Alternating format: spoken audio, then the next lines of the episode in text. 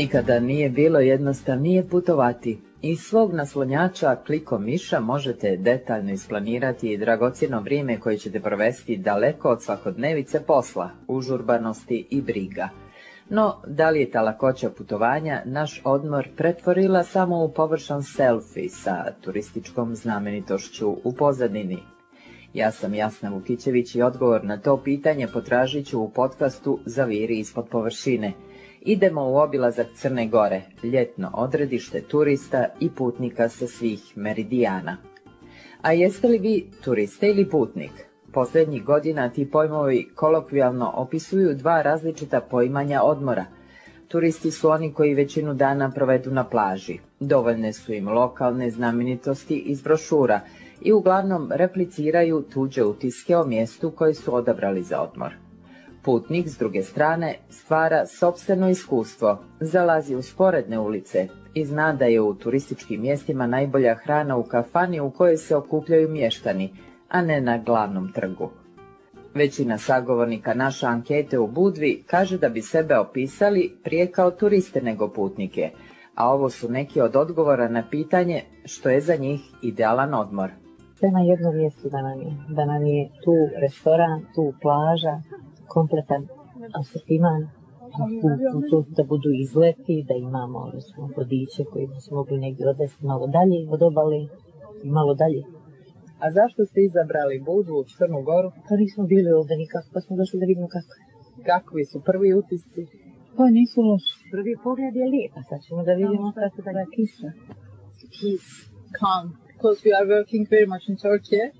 Za nas je idealan odmor, mir i spokoj, kaže par iz Istambula, jer radimo veoma mnogo. Ja sam u tekstilnoj industriji i radim dan i noć.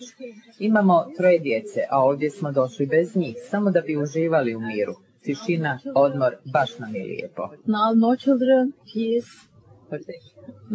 Tri studentkinje iz Pariza koje trenutno žive u Sloveniji, zahvaljujući Erasmus razmjeni, odabrali su Crnu Goru za svoj odmor. Near the sea. I like to lay on the beach most of the time. Idealan odmor je biti na moru, ležati na plaži. Ja volim da veći dio vremena samo ležim na plaži. Pravi odmor je biti relaksiran, opušten, čekati da pocrniš. Možda otići na neki jednodnevni izlet, ali ono što je najvažnije je zabaviti se, ići na partije. Pitali smo mlade Parižanke i da li se pripremaju za destinaciju koju biraju za odmor, da li unaprijed traže informacije o njenoj kulturi, istoriji. Sometimes yes, I want to check and sometimes no just. Ponekad da, ali ponekad i ne. Mogu saznati što me zanima na licu mjesta. And why do you choose Montenegro? A zašto ste odabrali Crnu Goru, Budvu? Actually, our reason was that uh, we are on Erasmus at Slovenia. Boravimo u Sloveniji na studentskoj razmjeni. Let je bio jeftin, blizu je, pa smo rekli ok, idemo. Čuli smo da ima dosta plaža i zabave. And parties, yeah. Neki od turista odaju utisak da ne znaju ni geografske odrednice destinacije koju su odabrali za odmor. Tako ovaj bračni par iz Turske na pitanje da li znaju o ponudi Crnogorskog sjevera pominje Kotor, ali i Bosnu i Hercegovinu. Sjeverni dio Crne Gore, baš smo se juče vratili iz Bosne. A je li Kotor na sjeveru? Bili smo tamo? Nije. E, onda ne mogu govoriti o turističkoj ponudi sjevera. Preko 90% turista koji za odmor biraju Crnu Goru provedu ga u nekom od primorskih gradova. Najposjećenija je Budva čije ankete pokazuju da su glavni motivi dolaska turista plaže, more i noćni život. No, sve su brojniji oni koji bi se umjesto turistima mogli kolokvijalno nazvati putnicima, oni koji bježe od gužve i od odmora traže nešto sasvim drugačije. O profilu prosječnog turiste nekad i sad razgovaramo sa Tijanom Kotarac iz turističke organizacije Budve. Budvanski gost prije 30 ili 40, možda i više godine je uglavnom bio gost koji je želio da dolazi kod jednog domaćina dugi niz godina, nije želio da ništa mijenja u tom svom odmoru. On je išao plaža, kuća, domaćin, rakica, ručak, plaža, kuća i tako dalje. I To je uglavnom se svodilo na jedan pravi relaksirajući odmor kada želite da uteknete od svega i da eto, opet se osjećate kao kod svoje kuće. Današnji gost želi sve osim to. On želi ljubaznog domaćina i on e, jako cijeni kada ga lijepo dočekate, kada se njim porazgovarate, kada mu predstavite svoju državu. On voli tu, posebno strani gost, gost zapadne Evrope, koji nije navikao na tu vrstu intimnosti. On voli da sa vama podijeli to, da, da prosto, do, do, on prosto doživljava to kao vaš folklor, kao vaš osobeni način da mu se približite i to veoma cijeni. Ali on ne želi da sedam dana provede u destinaciji. On vas prvo pita kad dođe šta ja za sedam dana mogu da vidim, a da se opet vraćam u svoju kuću, u svoju vilu ili slično. I sve manje takvi gosti traže e, vještaj u gradovima, osim ako nisu u pitanju naravno hoteli.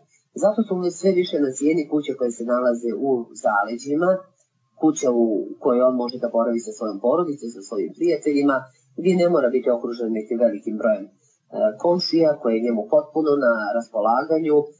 Gosti žele da okopavaju paštu, žele da beru plodove koje rađaju u toj bašti, da ih jedu, žele da polivaju cvijeće, žele da budu korisni. Oni dolaze iz velikih gradova, njima treba priroda, mir, tišina, oni neće saobraćenu gužvu, oni neće buku, oni neće bučnu muziku, e, jaku muziku u svojoj neposrednoj blizini. On bježi od toga. Njemu je odmor danas ono što je nekada prije 40 godina bilo unutar gradova, taj mir i tišina kojih više nemamo. On želi sada na periferiji da osjeti taj e, mir i tišinu. Zato je sjever Crne Gore sve popularnija destinacija za one koji svoj odmor žele provesti daleko od gužve, u prirodi. U njegovoj riznici je Crno jezero nacionalnog parka Durmitor, najveće od 18 glacijalnih jezera na tom području, potom najdublji kanjon Europe i rafting na rijeci Tari. Tu je i Biogradsko jezero u srcu jedne od posljednjih prašuma na kontinentu, te nacionalni park Prokletije sa alipašinim izvorima. To su samo neki od dragulja sjevera, čije turističko otkrivanje ostaje generacijski cilj, kaže profesor na Fakultetu za turizam i hotelijerstvo u Kotoru Ilija Moric. E, kao što statistika pokazuje, preko 95% e, dolazaka turistički se realizuje na obali, što nije održivo u dugom roku, pa ni u srednje, jer bi ti procenti trebali da budu e, mnogo veći od 5 ili 6%, koliko trenutno zuzima centralni i sjeverni dio Crne Gore, a znamo površinski jeli, koliko, koliko, koji su to koji su to odnosi, tako da u budućnosti taj turistički promet treba da se pomjera ka sjeveru i da se, a to će se desiti naravno tek onda kad se kreiraju turistički proizvodi koji mogu da apsorbuju i veći broj turista, odnosno posjetilaca ili putnika, ako želite. Idemo sada na sjever do Žabljaka. Mirko Lutovac je i prije nego što je diplomirao na Fakultetu za turizam bio vodič planinarskih tura, a sada je dio ekipe Durmitor Adventure, koja ljepotu nacionalnog parka dijeli sa posjetiocima sa svih meridijana. Strani turisti koji dođu u Crnu Goru, većinom prvo posjete i more, to su i neke polazne tačke, ovaj, tako da mali broj njih i, i sazna uopšte od strane agencija i od strane operatera za, za sjever. Ali zadnjih par godina se to mijenja uh, i sve više stranaca, posle stranih gostiju sa, sa iz zapadne Evrope, zatim sa američkog tržišta, iz Azije, ovaj, sve više traže taj aktivni turizam, a jedna možda i po mnogim gostima najbolja turistička atrakcija u Crnoj Gore uh, jeste taj kanjoning, odnosno prolazak kroz kanjon vidio, zatim planina alpinizam, e, kampovanja, obilazak vrhova i zeja, planinajenja. Imamo i također u ponudi rafting, je taj koja je bazi za drugi najdublji kanjon u svijetu posle kanjona rijeke Colorado. Za sve koji vole aktivan odmor, rafting tarom je obavezna stavka u obilasku sjevera Crne Gore. Zovu je Suzam Evrope, a na njenoj obali je i crna poda, rijetka prašuma crnog bora sa stablima preko 50 metara, starih oko pola milenija. Evo djelića jednog od naših ranijih zapisa s raftinga bukovima rijeke Tare. Oni koji se na rafting gotisnu sa crnogorske obale najrađe biraju 30 km adrenalinskog spusta, čiji su bukovi najbrži u aprilu i maju. Od Brstanovice do Štepan polje, zavisno od brzine rijeke i uz pauze za fotografisanje i kupanje u suzi Evrope, spust traje od 2 do 3 sata. A prije nego što se upustite u avanturu, dobro odaberite svog skipera, jer nema avanture bez opasnosti. Krenuli smo sa Prstenovice, evo to je naš rafting majstor, skiper. I evo prvi buk Prstenovički. Opasnost je velika i mora se paziti na goste i kakva je preznost. Uglavnom, desi se izvrtanja, ali onaj sve to prođe bez ozleda.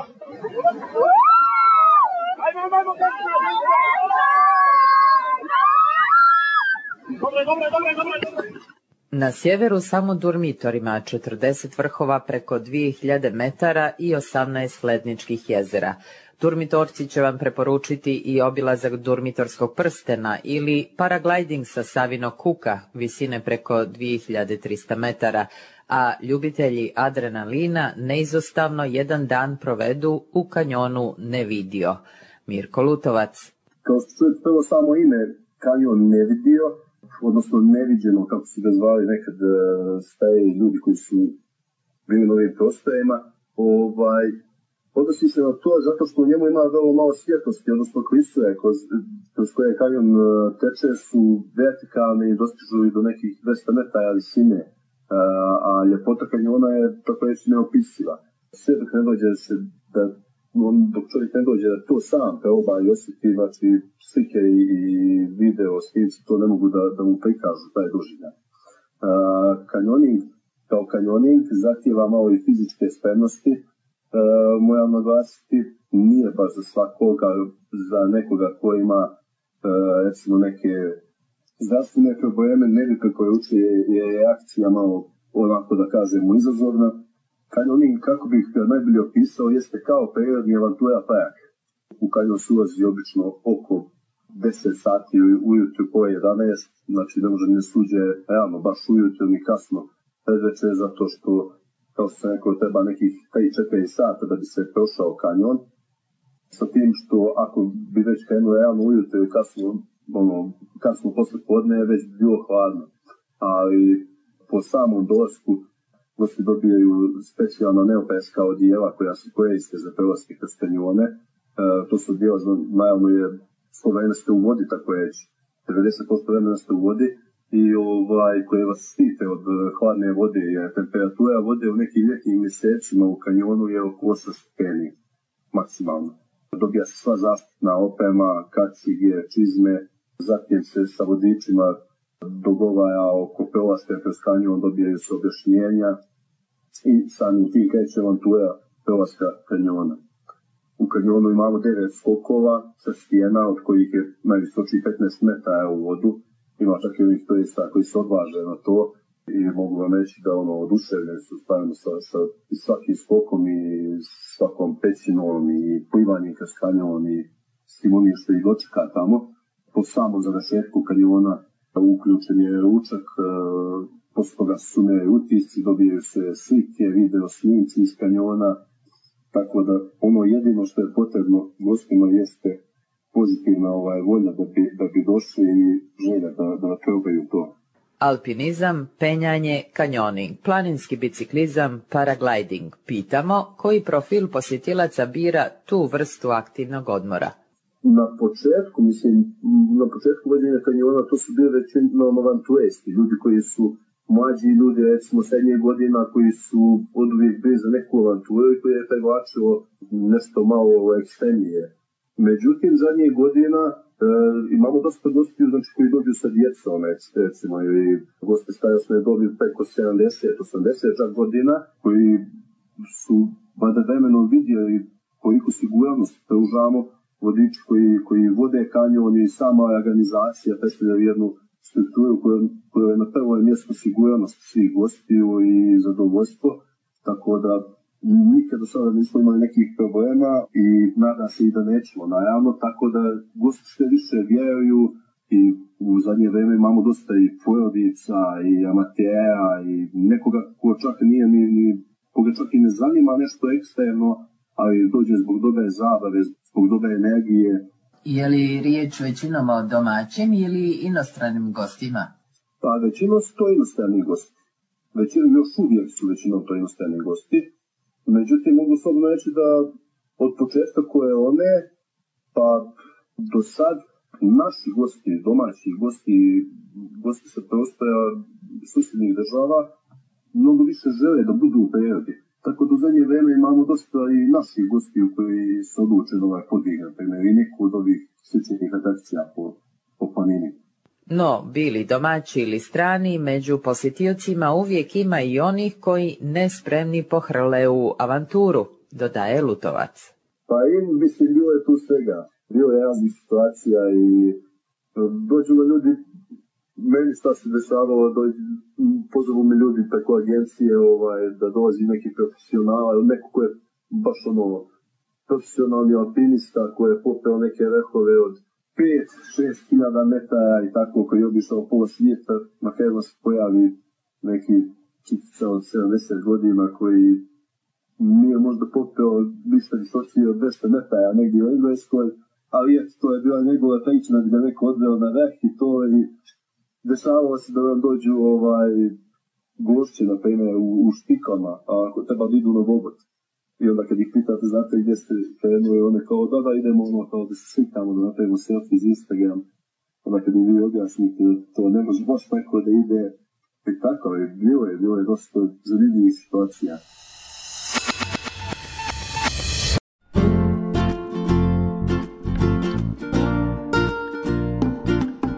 Sa sjevera se vraćamo na jug, gdje od Ulcinja do Herceg Novog mnogi nađu odmor po svojoj mjeri. Ono što mnoge strance fascinira je to što planinski i primorski ugođaj mogu razmijeniti za samo nekoliko sati. Jedan od njih je Simon iz Velike Britanije.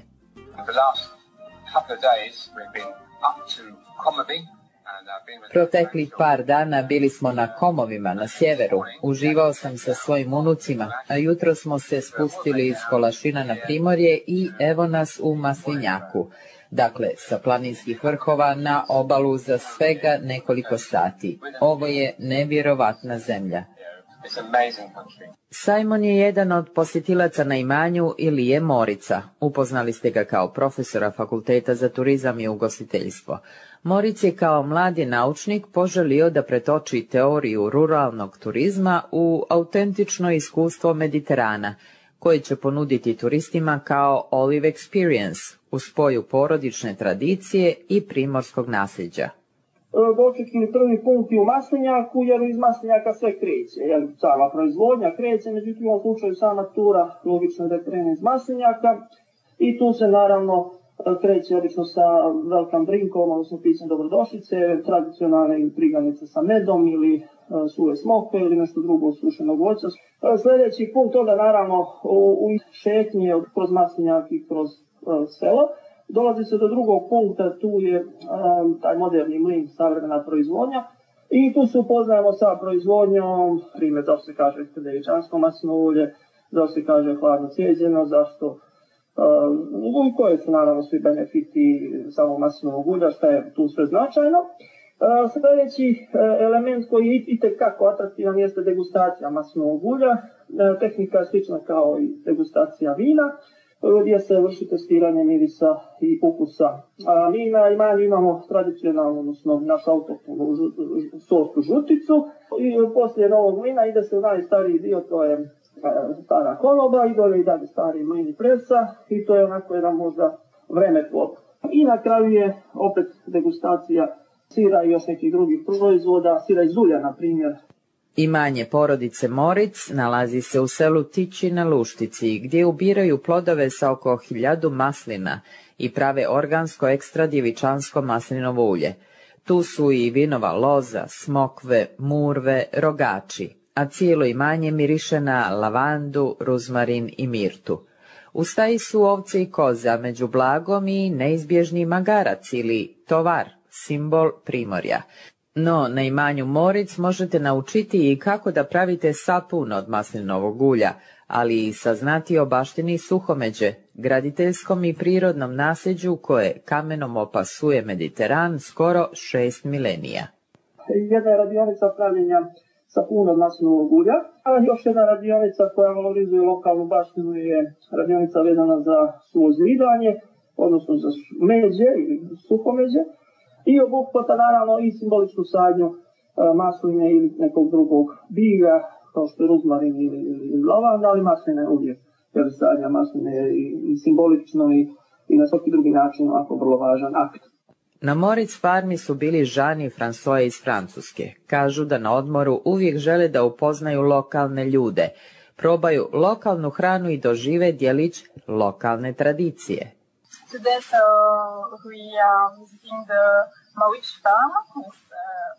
Na farmi Moric nam je bilo divno, probali smo tipične ukuse ovog kraja, ne samo maslinovo ulje i masline, nego i domaći sir, vino. Upoznali smo i cijelu familiju Moric koji su nam pokazali kako žive i kako sve to proizvode. Put od Durmitora do Luštičkog maslinjaka samo je jedna od vaših mogućih uspomena na ovo ljeto. Ima ih i zone koje umjesto u prirodi rađe provode odmor u poznatim ljetovalištima, poput Tivatskog porto Montenegra ili nekog od hotela sa pet zvjezdica duž Crnogorskog primorja. Prvi takav hotel nakon obnove nezavisnosti ima i prvog konsjerža u Crnoj Gori. To je osoba koja u hotelima visoke kategorije gostima ispunjava specifične zahtjeve. Konsijež Goran Martinović iz hotela Splendid priča nam o neobičnim zahtjevima VIP gostiju. Gost je došao kod mene, to radi se o jednom a, bračnom paru koji je sa Balkana, sa ovih prostora. Suprug je došao kod mene i zarad rođendana svoje pratilje zahtijevao je da ako je moguće angažovati jedan avion koji bi vukao slova, odnosno vukao poruku za njegovu suprugu. Radilo se o rođendanu, radilo se o jednoj, e, odnosno rečenici izliv, da kažem, ljubavi i to je bio jedan velik izazov za mene s obzirom da je to e, bilo i na početku, kažem, mog angažmana, tako da sam ja, bez obzira na sve, ipak sam uspio da dođem do rješenja angažovanje e, jednog e, dvokrilnog aviona iz e, Nikšića. Dvokrilac je preletio iznad jahte u Bokokotovskom zalivu gdje je bila i njegova supruga i normalno uz to je sve bilo i, i veliki buket cvijeća od 300 ruža i eto to je to. Jedan od čudnih zahtjeva, ali i veliki izazov i za mene, eto, drago mi je da sam ispunio očekivanja gosta. Ovdje kod vas su boravile mnoge i poznate ličnosti. Kakvi su njihovi zahtjevi? Pa, e, jes, od e, filmskih zvijezda kao što su Angelina Jolie, Brad Pitt, e, Kevin Spacey, e, Ralph Fiennes, e, Ar Armando Asante, Mad Mikkelsen i mnogi drugi. Mogu da kažem da je rad sa tom klijentelom i da kažem sa tim zvijezdama toliko lagan koliko može da bude, bude izazovan, toliko je opuštajući da jednostavno to su oni trenuci gdje vaše, vaše angažovanje i vaš posao dobija jedan zaokružen i kompletan smisao. A od zvijezda tih zahtjevi, samo ću vam reći da su uh, najmanje zahtjevne te, da kažem, svjetski priznate zvijezde. Šetnju po turističkoj Crnoj Gori privodimo kraju jednim sasvim ličnim odabirom idealnog sedmodnevnog odmora. Možda će vas inspirisati da u svoj plan ljetovanja uvrstite neko novo odredište. Mirko Lutovac, Durmitor Adventure. Nisam neko ko bi proveo neke, nekoliko dana na, na plaži, ležeći na peškijeru i čekajući da, da pocelim, ovaj, već sam više za neki vid aktivnog odmoja, bilo gdje da krenem. Ali evo vezano za dojamite, jedan dan možete da dođete da budete u kanjonu, drugi dan možete da odete na neki plani, e, vrh u planini za porodicu, evo, za, za djecu i roditelje, za neki vrh koji mogu da obiđu sa para jezera, da uživaju cijeli dan jahanje konja, također da se sa Dojamitom ode na Sinjevinu, do Kovašina, vrate se sa konjima, zatim rafting, biciklizam. Nedelju dana vam treba da bi, ajde da kažemo, samo osjetili te neke čaje i, i odradili jedan dio tih akcija. Tijana Kotarac iz turističke organizacije Budva. E, pa recimo da bi moje putovanje krenulo upravo od Prokletija i od e, Ritskog jezera ili Hridskog jezera, kako ga zovu mještani. Ko nije bio na Prokletijama, možda čak i u ono doba kada se peru borovnice i kada su sve te padine koje vode prema njihovim jezerima pune šumskih borovnica, taj stvarno ne zna što znači prava netaknuta iskonska priroda. E, Plavsko jezero svakako, a ono što bih posebno izdvojila svakako bi bilo Lovćen, Cetinje, Njeguši i tu bismo mogli čak i da dodamo Skadarsko jezero i rijeku Crnojevića, mada bih ja za ova dva segmenta odvojila dva dana. Znači jedan dan bi mi sigurno bio Lovćen, Njeguši i Cetinje, a jedan dan bi bila rijeka Crnojevića i Skadarsko jezero. Rijeka Crnojevića stvarno izgleda kao scenografija nekog filma ili kao da, da je upravo završeno snimanje nekog filma, svi su pobjegli i to je ostalo tako zamrznuto u vremenu i u prostoru i često naše goste koje primam ovdje u Budvi studijske grupe novinara i uopšte lične svoje goste upravo šaljem na, na ove ture. Dakle, to su već tri dana, ako je nam je plav i prokleti ako nam je jedan dan, Skadarsko jezero Rijeka Crnovića drugi, Lovće Njeguš i Cetinje treći, Četvrti dan Boka Kotorska, sigurno. E, pričala sam jednom sa prijateljem, kapetanom broda kruzera, koji kaže da kada su proputovao čitav svijet i svuda je vozio i kaže i dalje je najveće oduševljenje kada se uđe u Bokokotorski zaliv i kada svi gosti izađu na palubu i kaže vrište od uzbuđenja. Eto, mi možda i ne doživljavamo to tako kao što oni doživljavaju naše prirodne ljepote, ovo putovanje preko Budve završavamo na pješčanim plažama krajnjeg juga, u Ulcinju. Svakako zbog emocija i divnih skrivenih mjesta koje imamo u našoj opštini, Budva bi imala jedan svoj dan u toj e, Montenegro turi.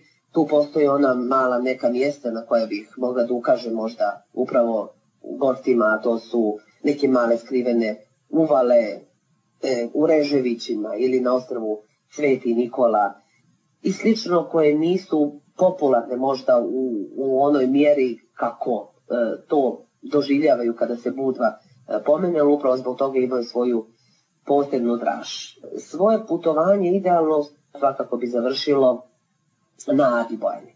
Ada Bojana stvarno izgleda mnogo drugačija od ostalih dijelova zajedno sa njenom solanom, sa flamingosima i svim ostalim ucinskim dijelom, ali dakle E, te pješčane plaže, taj okeanski pogled, ti zalasci sunca u ljetnjem periodu, ti kajteri, ti neobični ljudi čiju energiju možete da osjetite na toj kilometarskoj plaži su e, sigurno ono što vas ne ostavlja ravnodušnim. Dakle, zalazak sunca na Adi Bojani, meditacija, lagana, slušalice ili ne treba da budu slušalice, samo zvuk vjetra uz E, to sunce koje se potpuno utapa u Jadransko more, mislim da su idealni da zaokružite sedmodnevno putovanje i da kažete da je Crna Gora stvarno ispunila i više nego ispunila vaše očekivanje.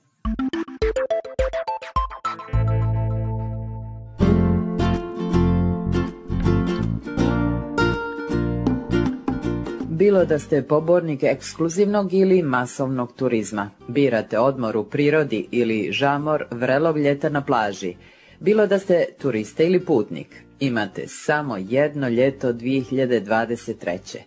Pamtite ga po svom godišnjem odmoru, gdje god da vas turistički putevi odvedu.